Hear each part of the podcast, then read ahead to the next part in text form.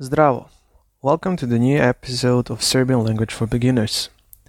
My name is Nikola. I'm online Serbian language tutor with almost two years of experience. We're coming in a bit late, but we're still continuing with the podcast. I'll try to post the episodes more frequently, but until then, you can always check out the previous ones. If you have any questions or you want to book a first lesson, feel free to write me on my Instagram page, Learn Serbian, or write me at uh, my email, which you can find in the description of this podcast.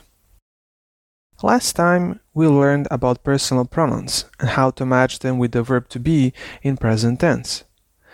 We learned about greetings and how to say I am. Today we will dig a bit deeper into the grammar and we will have a short text as a comprehension exercise. We showed that the verb to be is probably the most important verb in Serbian language. Today we will learn how to change it through the system and how to use it when speaking. Let's take a look at the table. The table verb to be in present tense in Serbian sounds like this. Ja sam, which means I am. Si, which means you are. On, ona, ono, je, which means he, she, it is. If you go to the plural, first person plural sounds like mi smo, we are. Vi ste, you are. Oni, one, ona, su. There is important thing here uh, when uh, pronouncing these uh, verbs when you speak them you should should not emphasize the verb. You should always emphasize the personal pronoun. Ja sam ti si on not ja sam ti si that's kind of the rule. First thing that we can notice is that the serbian has different word for each person while english has some that are the same for example in plural there is one word that is same in all three person, are. While in Serbian we have three different ones for three different person. Smo, ste, su. It is quite useful to have all different verb forms for different person, but it can also be annoying to learn and memorize all of them. Because of this, we can say only one word, for example, sam, and Serbian speaker would know that it is used in first person. It corresponds to ja sam or I am. There are some rules to follow and learn here, but that is the essence of why we have all different verb forms.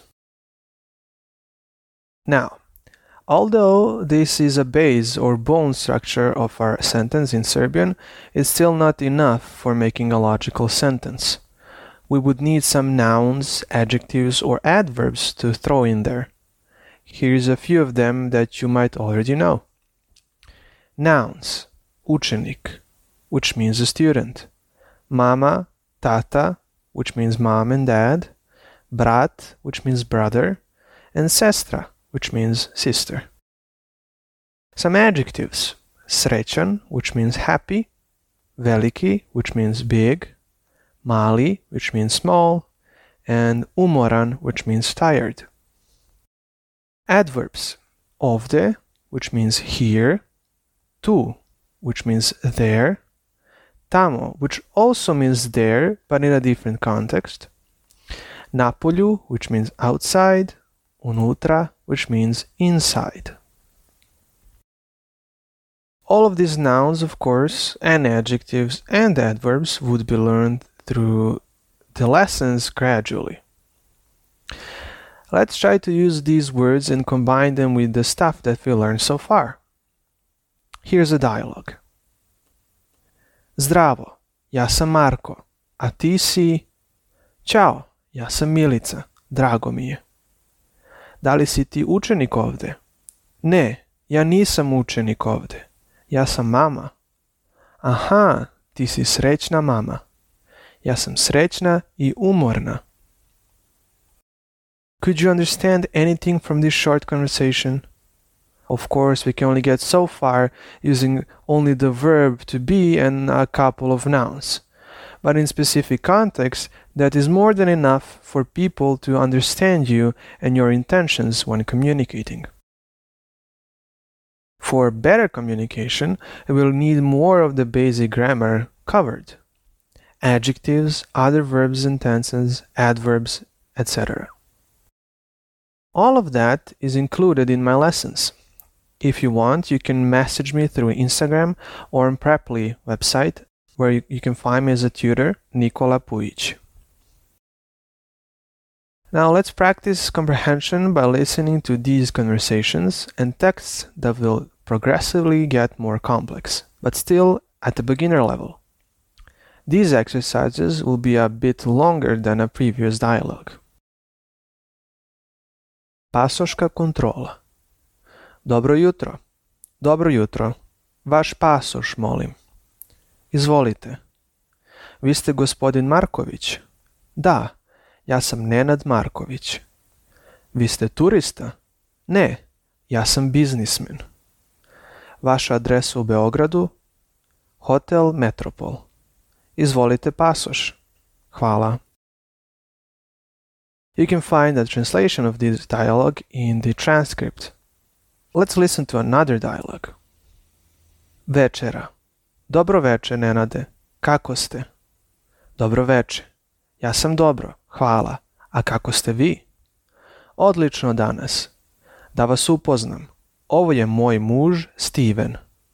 Drago mi je. Da li govorite srpski? Razumem mnogo, ali govorim malo. After these short dialogues, we can listen to a short text, which consists of one paragraph. It is used to introduce yourself. The title is Ja se zovem, which means my name is. Let's listen to this. Zdravo. Ja se zovem Novak, imam 25 godina i živim u Beogradu, u Srbiji. Ja igram tenis. Mnogo volim taj sport. Volim da treniram svakog dana. Također, ja volim futbal, ali ja ne igram futbal, samo volim da gledam. Mnogo volim da jedem voće, a najviše banane. Ne volim da pijem kafu. Moja sestra se zove Vera, on ima 26 godina i ona je advokat. Mi ćemo da idemo zajedno u Ameriku, u New York. Ja hoću da vidim Manhattan i da jedem hot dog. This text is a bit more complex than the dialogues we had before. After this text, in the transcript, you can find a vocabulary, a list of verbs used in this last text. It's a simple guide or helping list to note down the unfamiliar words. You can try and repeat them when you can. If you understood the most of this text, try to make your own introduction to yourself. Say something about yourself, your name, age, what you like to do, what you don't like to do. Grab a piece of paper and write it down. It's always important to write as much as you can because it stimulates the vocabulary, connects everything learned, and exercises writing, of course. This concludes this short episode. The goal is for you to have more experience in listening and reading Serbian more comprehension overall. In the future, these episodes will usually have one part basic grammar, one part reading and listening exercises. If you have any questions, feel free to write me on my Instagram page, Learn Serbian, or write me at the email which you can find in the transcript or in the description of these episodes. See ya!